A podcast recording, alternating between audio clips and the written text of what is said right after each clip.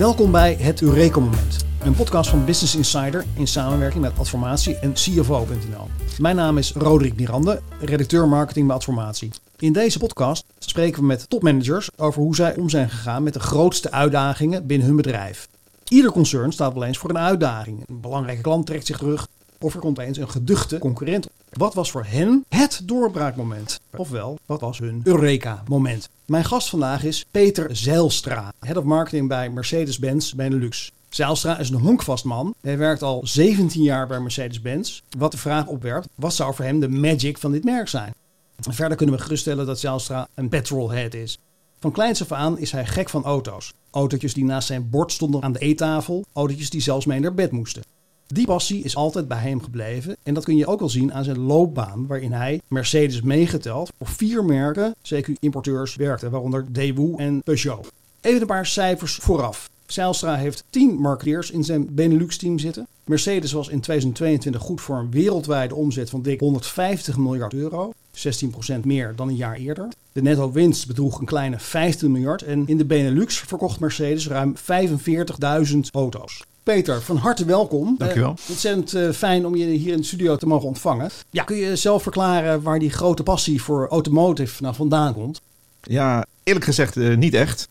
Uh, ik kan me niet anders herinneren dat ik een fascinatie had voor auto's. Uh, waar dat vandaan is gekomen, I don't know. Ik heb geen familie in die wereld zitten, at all. Nee. Uh, maar wist altijd wel dat ik later iets met auto's wilde doen. Ja, oké. Okay. Dus, het, het, was er gewoon, het is nooit meer weggegaan. Ja, dat klopt. Ja, precies. Hey, Mercedes, daar moeten we toch als, als marketeers om elkaar even over hebben. Wat is dat nou voor merk, Mercedes? Ja, het is het oudste merk ter wereld. Dus Carl Benz is de, de uitvinder van uh, de auto. Ja. En uh, het merk is altijd uh, overeind gebleven in al die jaren. En dat is al op zich een hele prestatie. Ja, ja. En dan is de, de waarde van het merk ook nog steeds aan het toenemen. Dus we staan al jarenlang in de top 10 van de most valuable brands ter wereld. Dus ja, ik vind het een, een hele mooie prestatie. Waar, waar, waar staat het merk wat jou betreft voor?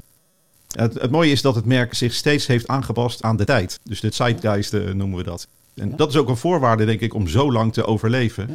Dus regelmatig wordt uh, het merk opnieuw ingevuld. En uh, recent is dat gedaan. En nu focussen we echt op aesthetics, tech, innovatie en sustainability.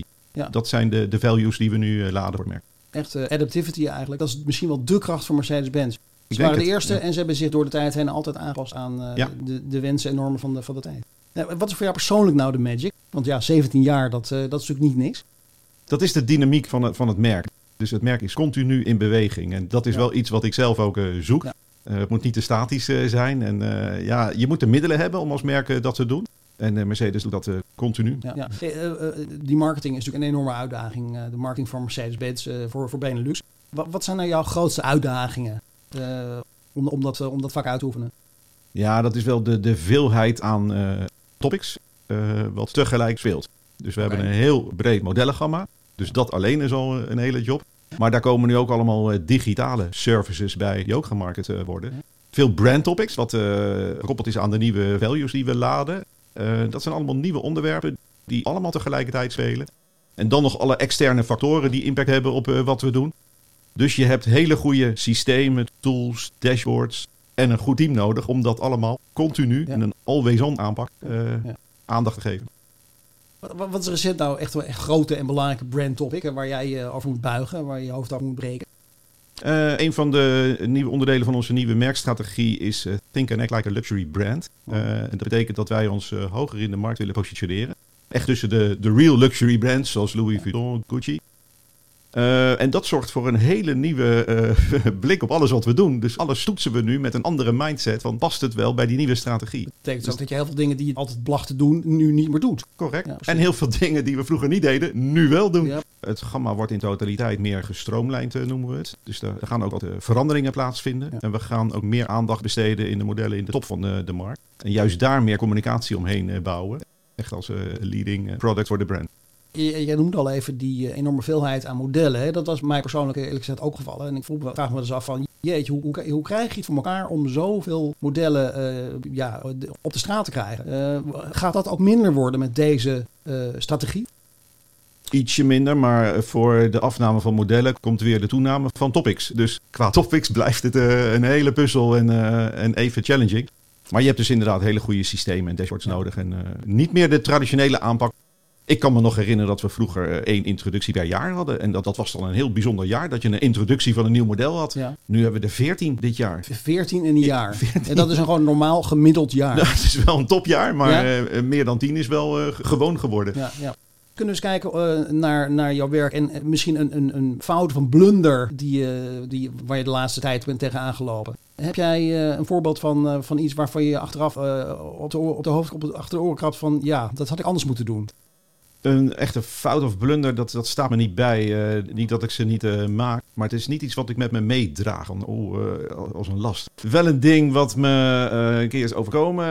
We hadden vroeger nog geen eh, eh, 360 graden feedback van je team. En ik weet nog wel dat dat een keer gepilot werd bij de HR-afdeling die daar wilde werken. Dus ik heb dat gedaan. Met mensen van mijn team konden toen praten met een, een coach. En ik was er uiteraard niet bij. En daar kwam een rapport uit en eh, daar stond ik wel een beetje van te kijken voor een deel. Want het team dacht dat ik dingen zomaar uitvoerde omdat het moest en eh, dat ik daar niet echt bij betrokken was. En ik, dacht, daar herkende ik me totaal niet in. Maar goed, het was wel de indruk die ze hadden. Dus dan moet je toch naar jezelf kijken. Dus ik heb dat eh, in die sessie uitgebreid toegelicht. En daarna ook wel bij me gehouden. Dat ik heel goed uitleg waarom ik dingen doe. Wat ik heb gedaan voordat we dingen doen.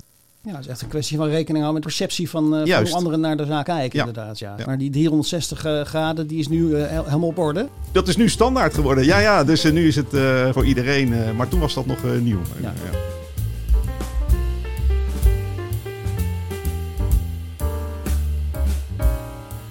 Hey, en een, een groot succes. Wat beschouw je als je grootste succes? Eh, dan denk ik aan de, de COVID-periode. Eh, in België hebben wij te maken met het Salon. Daar hebben we nog een, motorshow. En in 2020 was die voor het laatst. Dus dat is zeg maar de autorij van België. Ja, de autorij van België. Ja. In 2020 was die voor het laatst. En we hebben toen een enorm aantal leads eh, opgehaald tijdens die show. Eh, en die periode rondom de show, dat is de belangrijkste salesperiode voor België. Dus dan wordt 30% van het volume gedaan. Ja.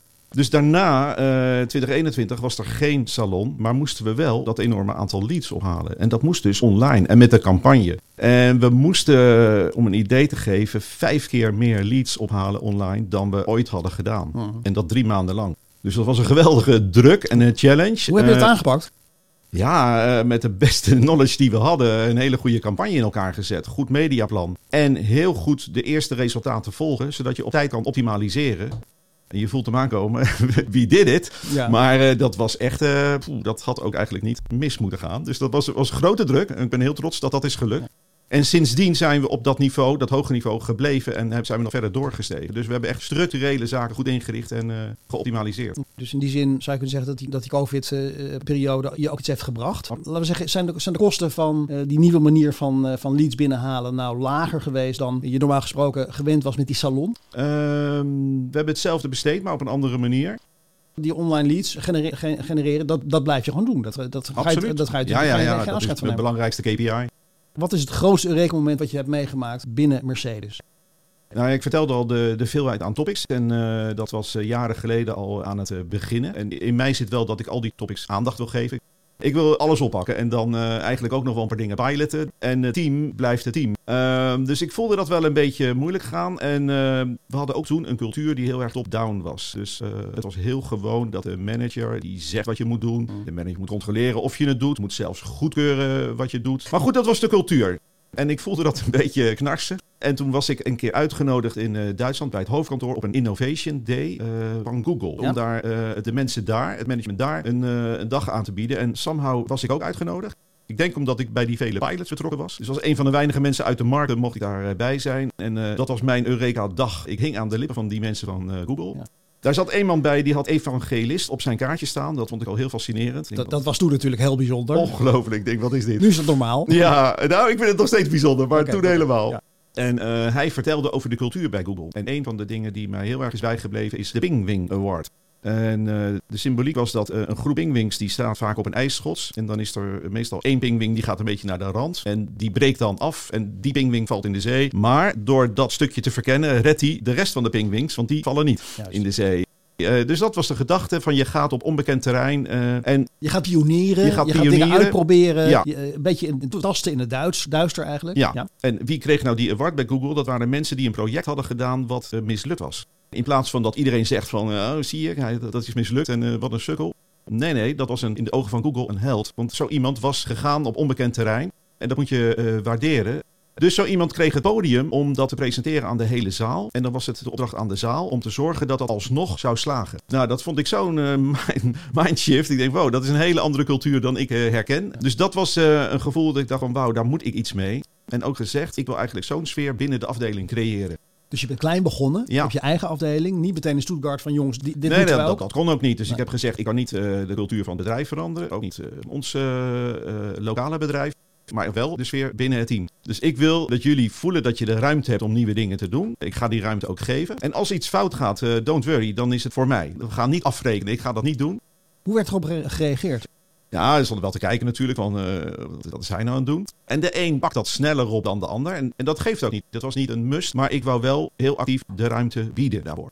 En je krijgt voorbeelden dat mensen iets hebben gedaan en dat het inderdaad goed was en dat, en dat we sneller gaan. Dus ja. zo langzamerhand sluimert dat erin en gaan mensen dat wel heel uh, prettig ervaren. Dus er ontstaat wel een andere dynamiek. Een paar jaar daarna uh, was onze board in Duitsland uh, op een fieldtrip naar Silicon Valley geweest. En die hebben daar toen uh, gesproken met de diverse CEO's van al de tech companies die dan... Nee, maar omdat de Mercedes board daar gewoon strak in pakken met ja, ja, ja, ja. Zonder. Maar die, die hadden daarna wel in de gaten van... hey, hier hangt een andere sfeer, een andere cultuur. En ze zijn toen een uh, programma gestart. Dus ze hebben een uh, mail gestuurd naar alle mensen leidinggevend wereldwijd vanaf een bepaald niveau. Dat waren iets van 16.000 mensen. En gevraagd van wie wil meewerken aan het schrijven van het maken van die nieuwe leadership cultuur. Nou, met mijn Google-moment had ik daar heel veel belangstelling voor. En ik heb toen een applicatie geschreven. Dus ik heb heel duidelijk aangegeven wat ik niet goed vond aan de leadership cultuur. En hoe ik zou willen dat het was. En ik zeg, nou, ze gaan het of leuk vinden of niet. Ze zochten 144 mensen. 72 werden aangewezen en 72 konden dromen uit die pool van mensen. Die aangewezenen zaten op een uh, dikke functie bij Mercedes, dus die moesten nou, ja, die op een, een strategische functie. Strategische dus die moesten functie, er ja. uh, beroepsmatig aan meewerken. Ja. Er waren iets van 1200 inschrijvingen. En ik zat bij die 72 mensen die mochten meedoen. En het bleek dat toen Artificial Intelligence die selectie heeft gemaakt. Dus ze hebben het puur op mijn tekst gedaan. En dat vond ik wel heel grappig om achteraf te horen. Vervolgens hebben we in groepen van 18 mensen samen uh, gewerkt aan, die, aan dezelfde opdracht. En dat was een uh, super divers team. Dus uh, man-vrouw mix, leeftijdmix, landenmix, divisie, dus cars, fans, trucks, alles door elkaar. Dus zo divers als het maar kan. -huh. Um, en daar moesten we dus online mee werken. Dus we moesten een slot vinden dat iedereen wakker was. dat was al moeilijk. en we eindigden het hele proces in, in Singapore, vijf dagen lang. En dan moesten we tot een besluit komen. Wat heel moeilijk was trouwens, omdat het allemaal gedreven mensen waren en we kwamen er in de groep niet uit. Wat werd het uiteindelijk? Uh, we moesten het zelf oplossen. Dus we werden begeleid, gefilmd door allemaal professionals, maar die grepen niet in.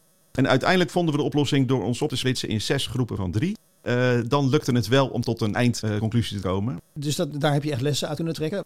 Wat is een advies wat je hè, met het geleerde kunt geven aan anderen? Nou, dus een van de zaken die we uh, nu als leadership vereisten hebben gedefinieerd is pioneering spirit en ook empowerment. -huh. Er zijn er meer, maar die twee zijn voor mij uh, heel erg key. Dat vind ik in uh, de maatschappij van vandaag de belangrijkste eigenschappen voor uh, een team om te hebben. Die mooi, twee. Mooi, mooie conclusie. Dit was de tweede aflevering van podcast Het Eureka Moment. Uh, vond je deze podcast leuk en wil je ons vaker beluisteren? Abonneer je dan op Het Eureka Moment in je streaming app. In de volgende aflevering spreekt René de Monchy van CFO met Mirjam van Veldhuizen Lormans, CFO van ProRail. Wat was haar Eureka Moment? Tot de volgende keer.